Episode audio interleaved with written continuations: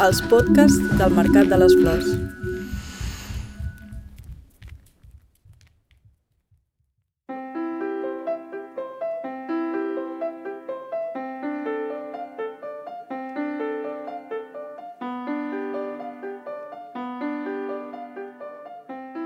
La dansa es dona, de persona a persona, i amb aquest acte es transforma i es regenera.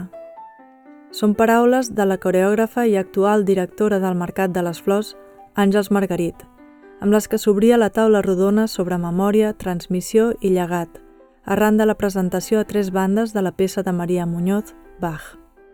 Primer ballada per ella, després filmada per Núria Font i finalment interpretada per Federica Porello. Aquesta visió en tríptic ens fa observar la dansa d'una manera que no és l'habitual, perquè ens permet entendre l'obra més enllà d'un objecte d'art que gaudim i valorem en el moment de sanificar-se. També la podem valorar com a llegat patrimonial, per un cantó, i com a creació infinita, per l'altre. Són dues visions que semblarien contràries, la d'arxiu i la de generació de nou material, però que juntes són igualment l'antídot a una concepció consumista i de curt abast que l'art ha assumit en molts casos, com a valor material, el que Lluís Calvo anomena l'obsolescència programada de la cultura. Aquesta trobada té lloc en una sala Pina Bausch plena d'espectadors i professionals que, com jo, senten una gran curiositat pel context, les raons i les dificultats del traspàs entre dues ballarines i per la transformació dels seus cossos en el viatge.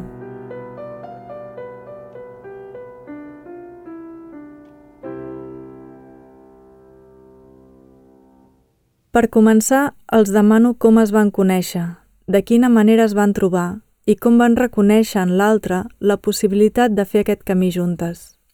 La Maria Muñoz, codirectora de la companyia Malpelo i del Centre de Creació L'Animal a l'Esquena, a Salrà, ens transporta un taller que va fer-hi l'Albert Quesada. No ens coneixíem amb l'Albert gaire i ell un dia va dir que és una cosa que es dona molt allà, per què no puges una estona al, a l'assaig? I és el que vaig fer. I eh, vaig, vaig veure a tothom, era un grup maquíssim, però em vaig fixar amb la Federica i per la tarda li vaig dir al Pep, demà puja tu a l'assaig. I ja veuràs. I mm, Federica era molt més jove que ara. Potser quan vas venir a l'animal tenies 30 anys o 31, no? Sí, era, sí, era hace 10 anys. Casi. Sí.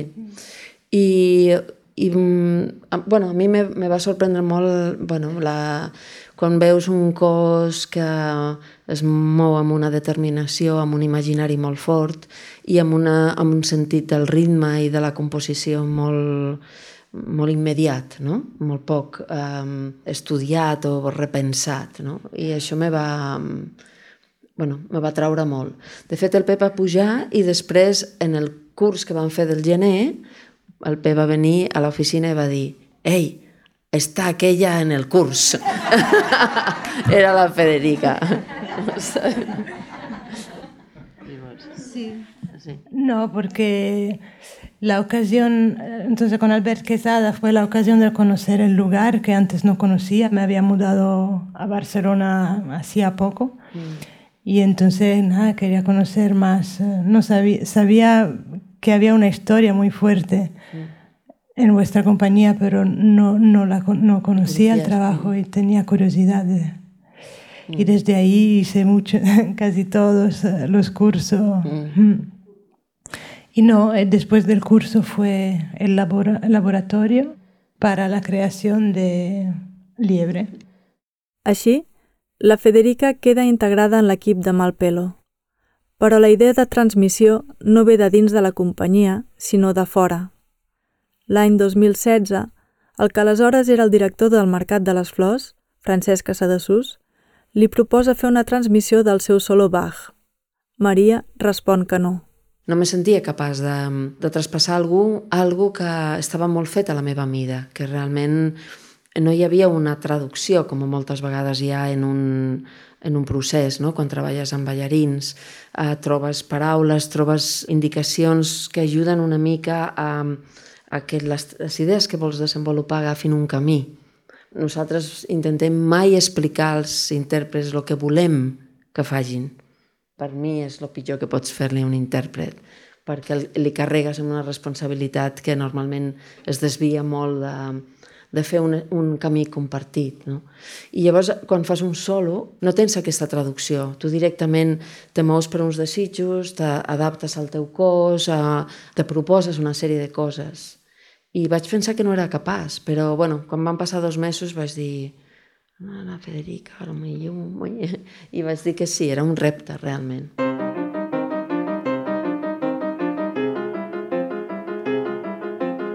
No, yo, me veo muy diferente a, María y, esto hace que, que tengo mucha deseo de aprender de, ellas, de cómo, cómo se organiza su cuerpo, cómo su relación con la tierra, con la música justamente porque es muy diferente de mí. Pero la gente dice que yo tengo una cualidad más hacia arriba, ligera, y, y, María tiene más la, la tierra, el fuego. es muy difícil comparar. Lo que me interesa mucho del trabajo con Malpelo y, y de María es su su manera de convivir con el sonido, con la música de una manera... No es una dependencia, no es una... Es como se habla varias veces, es como cómo se hace con el cuerpo a crear una voz que se sume a una música que ya está y en vez que bailar encima de una música o abajo de una música, cómo hacer una, una, un trenzado de estos dos lenguajes. Y a mí me interesa mucho porque tengo una manera de, de pensar que es bastante analítica mm, en relación a la música. Entonces, muy, muy rápidamente voy a copiar la nota que oigo con el cuerpo o, o hacer un contraste o hacer algo que se puede describir en palabra, el proceso que hago. Y cuando veo María, veo la conexión veo que son una cosa, veo que hay una pulsación común, pero no entiendo lo que está haciendo. y esto es lo que me motiva, no sé.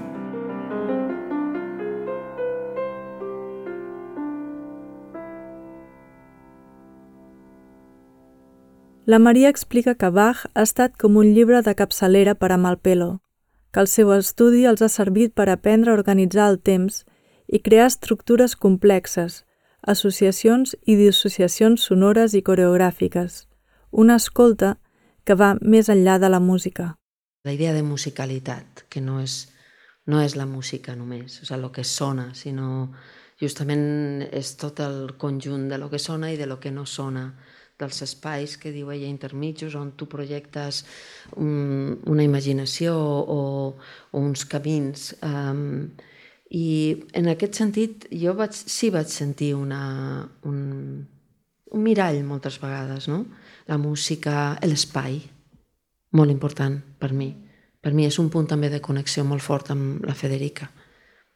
I, i mai hem parlat directament d'això, ni a lo millor ho puc descriure, però sí que hi ha alguna en com entenem el moure l'espai que a mi me fa sentir molt a prop d'ella.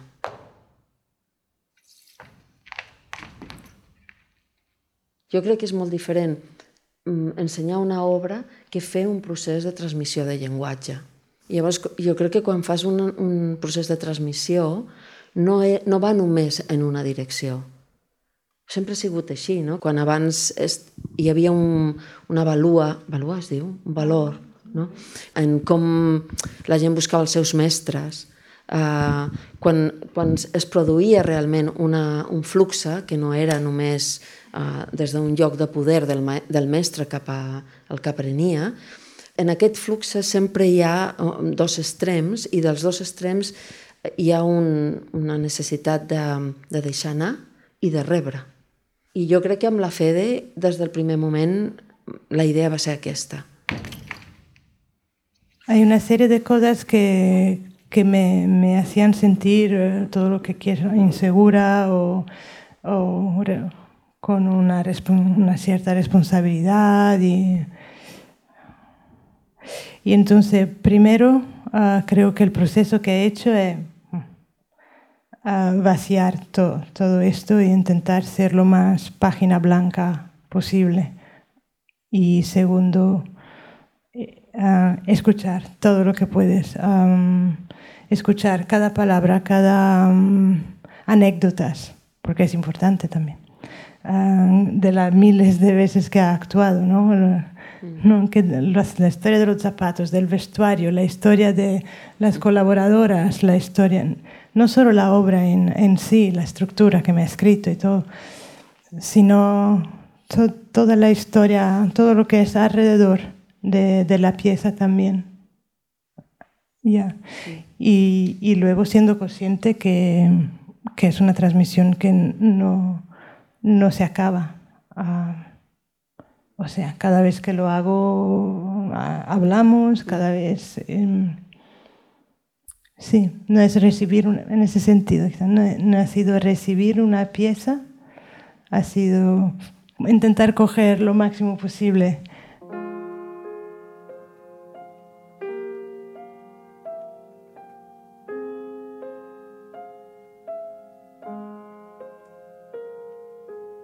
Les inseguretats de les quals parla la Federica, amb veu pausada, i aquestes frases que es van trencant pel pes del pensament que les acompanya, contrasten amb la presència escènica, tan clara, tan assentada, d'aquesta ballarina, alhora que lleugera i lluminosa, com si a través del cos pogués moure l'espai i crear una melodia pròpia. És una energia que es connecta amb la rotunda força escènica de la Maria, que sempre ha sigut com un imant pels ulls dels espectadors són presències que amb diferents registres parlen el mateix llenguatge. Penso que, que és una qüestió d'enamorament de, de del llenguatge. I, I penso que es donen molts camps, no? que jo veig molt, moltes similituds. En, si ho penses així, també eh, podria ser que, que aquest procés de transmissió s'hagi donat entre persones sense exactament traspassar una obra en concret. L'obra és la, com l'excusa perfecta no? per formalitzar aquest tipus de, de transmissió.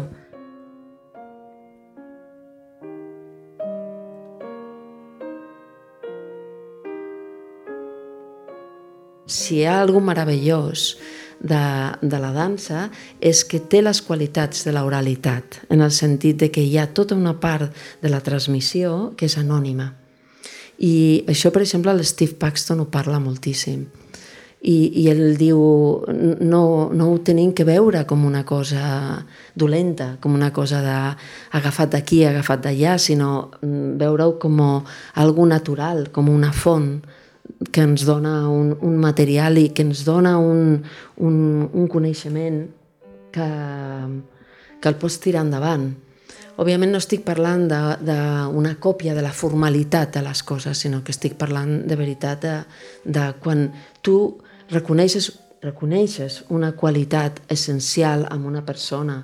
Jo admiro moltíssims ballarins i sempre que puc continuar aprenent i dels joves sense dubte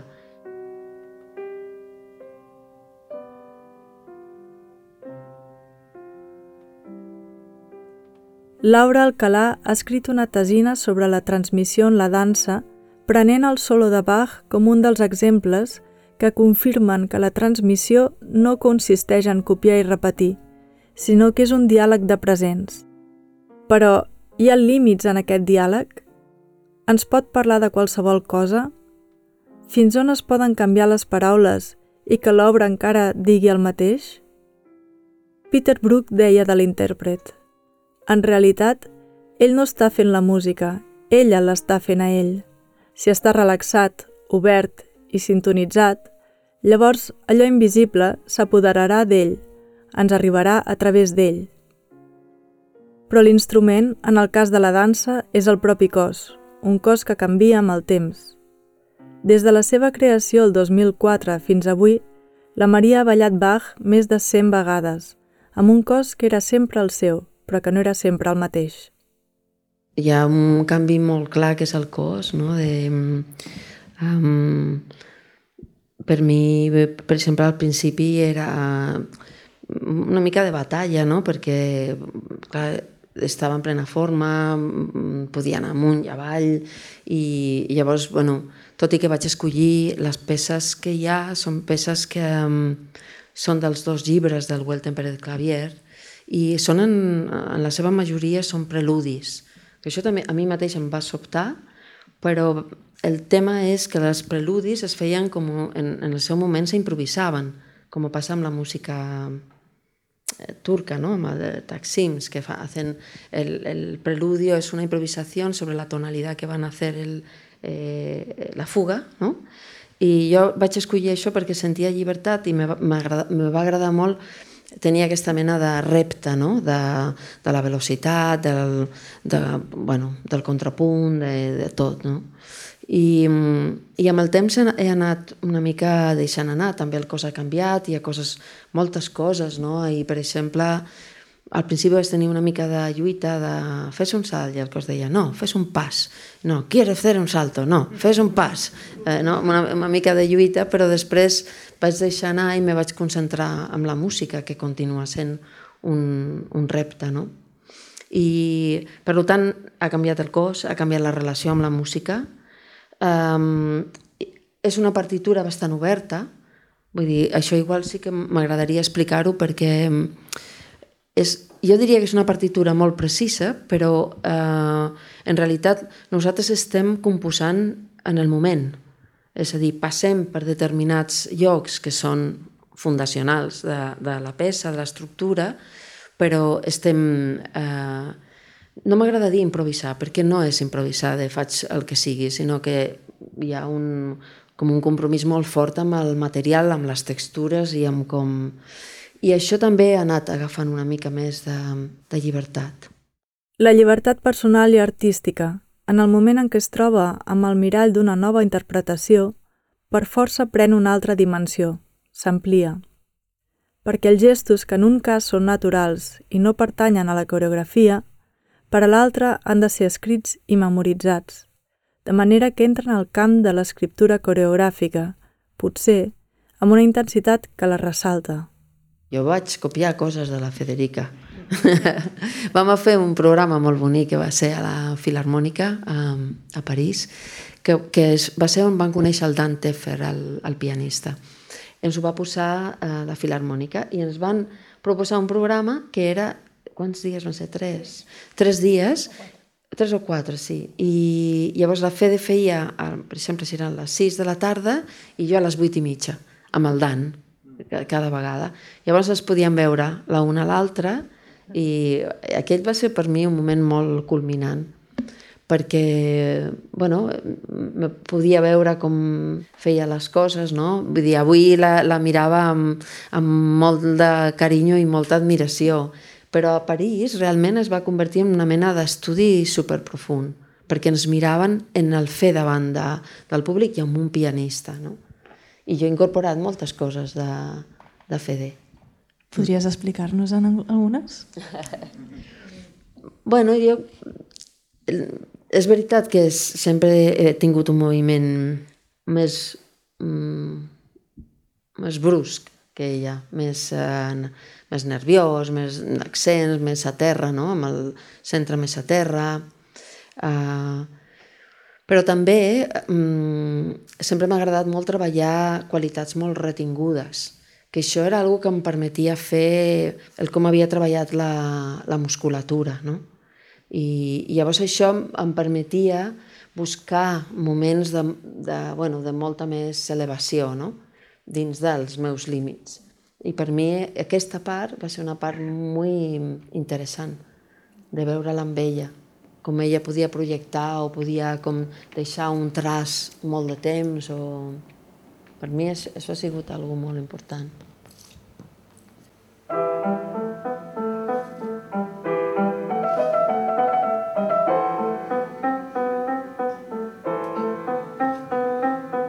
Un altre moment culminant va ser la gravació del solo, que certament va encapsular aquesta obra viva en un moment determinat i d'una manera precisa.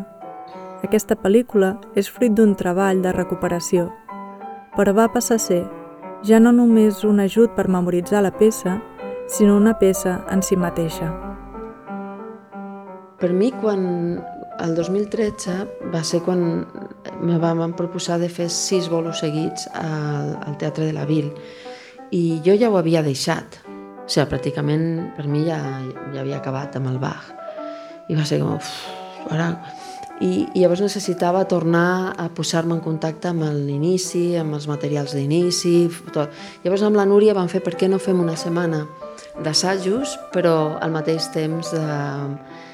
no era assajar la peça, era com reviure, eh, posar-se en contacte amb els materials més inicials, les textures, els tempos, i, i ella havia estat des del començament Llavors va muntar aquesta mena de laboratori, que va venir també en Pep Ramis i la Leo Castro, i vam estar pues, tot el dia fent...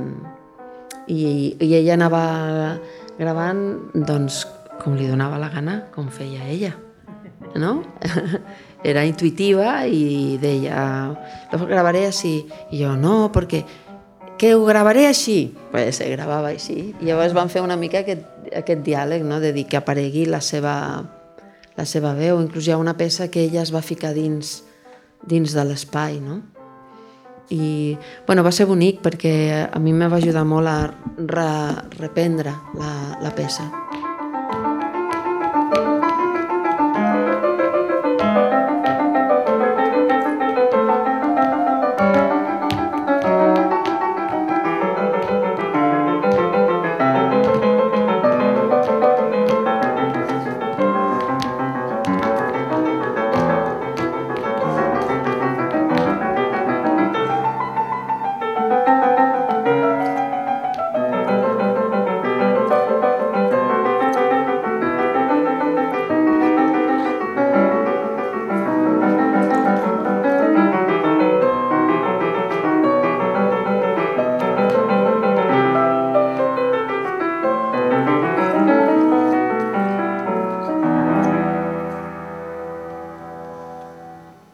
La idea d'un cos arxiu o d'un cos museu, com planteja Boris Charmatz, ens recorda que el cos és una acumulació de memòries. Aprenem a partir de la repetició i a mesura que repetim un moviment l'anem incorporant a les nostres possibilitats, fins que acaba florant, naturalment, involuntàriament.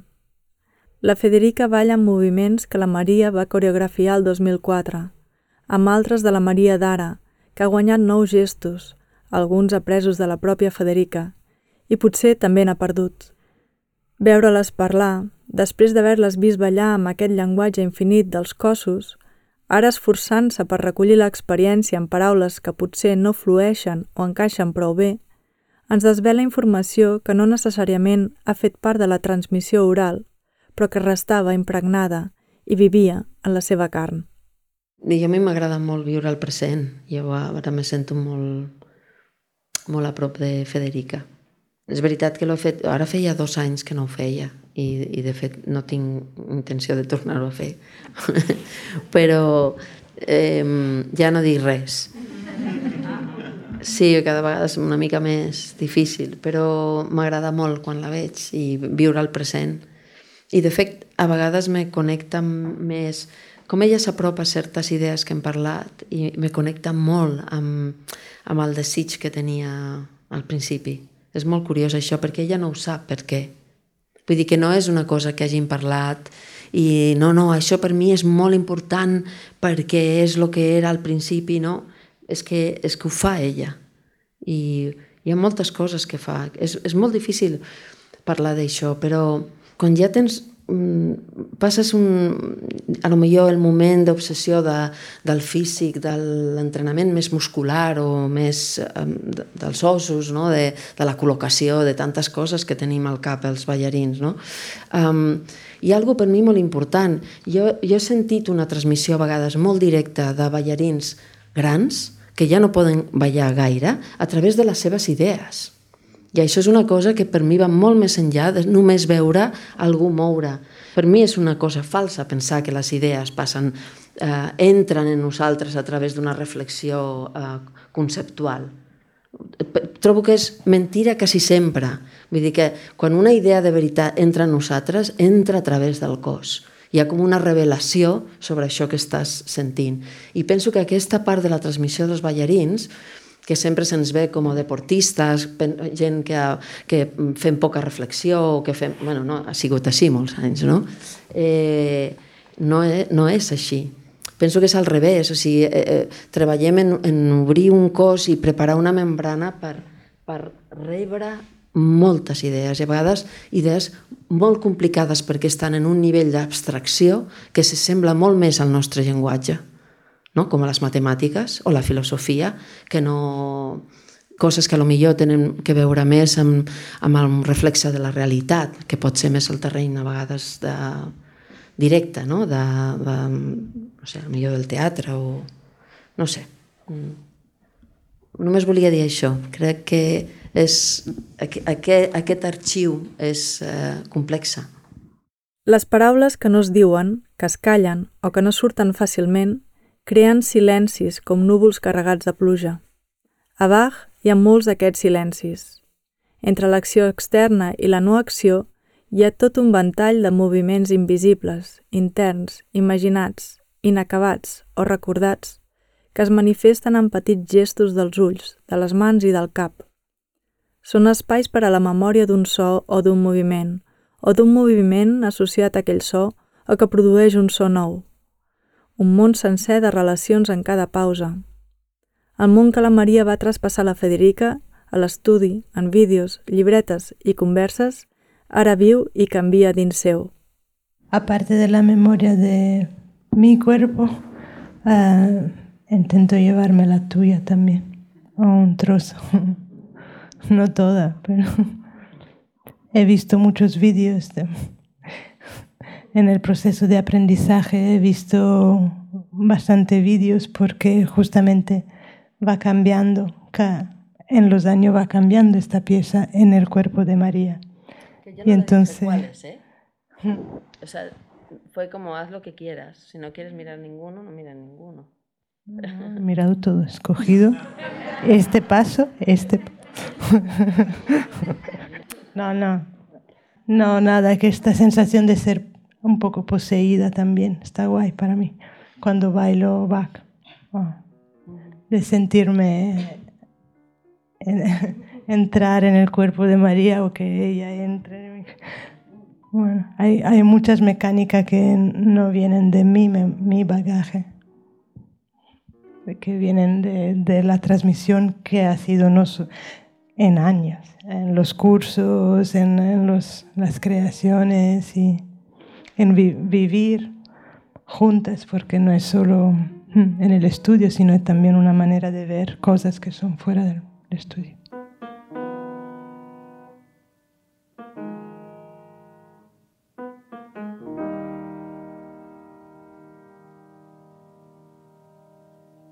Em sembla que va ser el tercer o quart dia que la Fede me va dir no tens una llibreta on tens així apunts de, del procés de Bach i, i ja vaig dir ja, ja ho miraré. Sí, em sembla que ja, ja ho miraré.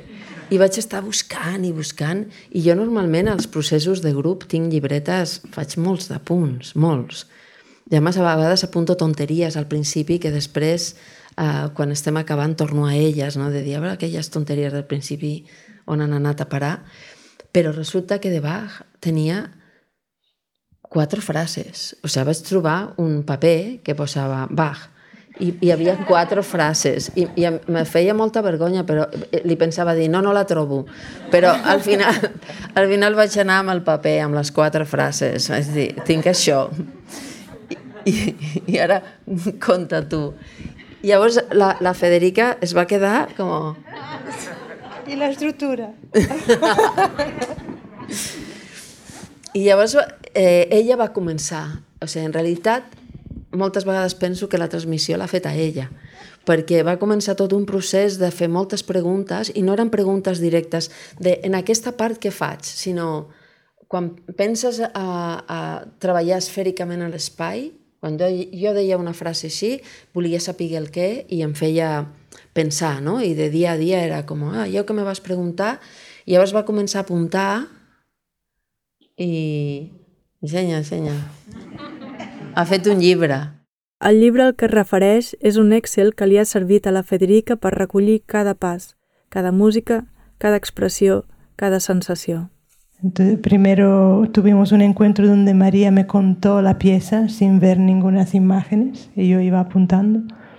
Y luego me, me dejó todos los vídeos para ver, y, yo intenté mirar los vídeos y a ver, intenté extrapolar eh, la partitura, la score, a lo que estaba haciendo María, cosa que era súper difícil porque no era como bueno, no eran del tipo de pauta de improvisación que yo estaba acostumbrada. Eran, vale, entonces aquí gira y se mueve en el espacio y aquí también gira. O sea, pero diferente. Eh, más tono, menos tono, porque complejo, cada una. Y, y, luego, ¿no? Luego hemos desgranado como en cada pieza no era tanto el tipo de movimiento o no siempre, sino era qué tipo de relación con la música, si para abajo o para arriba y qué tipo de, estado, si es eh, austero o si es ya el espacio es mío o si es eh, buena noche o si cada, cada variación tiene una, un, estado, una, ¿no? Y esto es lo que hemos sido, ¿no? Ha sido como encontrando la palabra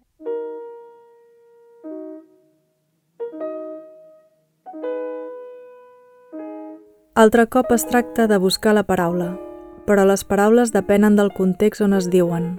El context els dona la possibilitat de dir-se i el significat que tenen.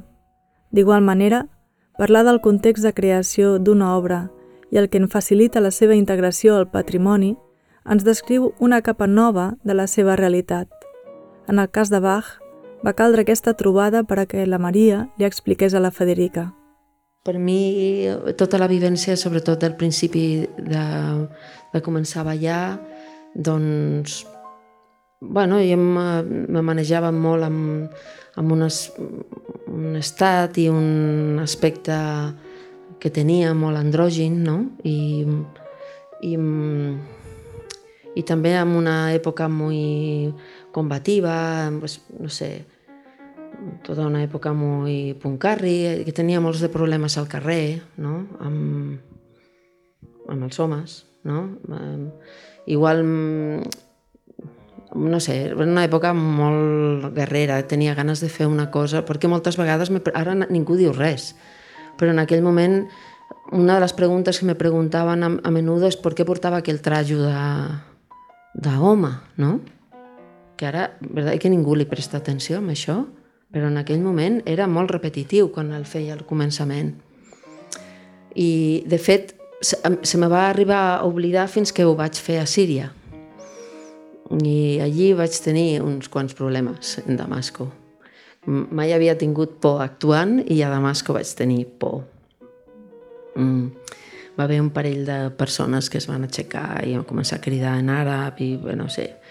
I, però per mi Bach tenia alguna d'això en el començament. Volia que no se sapigués què era o què no era, o...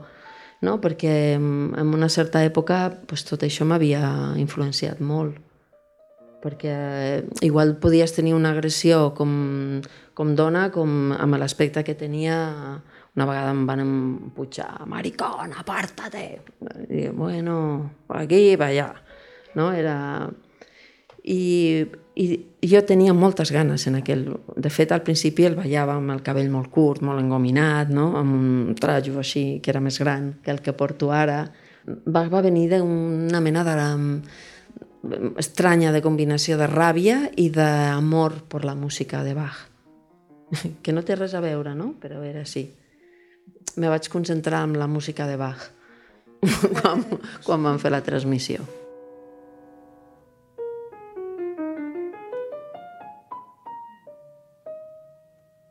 Muchas veces cuando estábamos en el estudio sola con María pensaba, joder, ¿por qué no hay cámaras o otra gente ahí escuchando? Porque este oro o... Ja. Però sovint sí que hi havia algú, la filla de la Maria i el Pep. La Paula Ramis ha crescut com a nena la creació d'aquesta obra i tota la seva evolució. Un dia, la Federica potser farà la transmissió de Bach a la Paula perquè aquesta obra tan especial i carregada de memòria continuï ballant-se, continuï creixent. Thank you.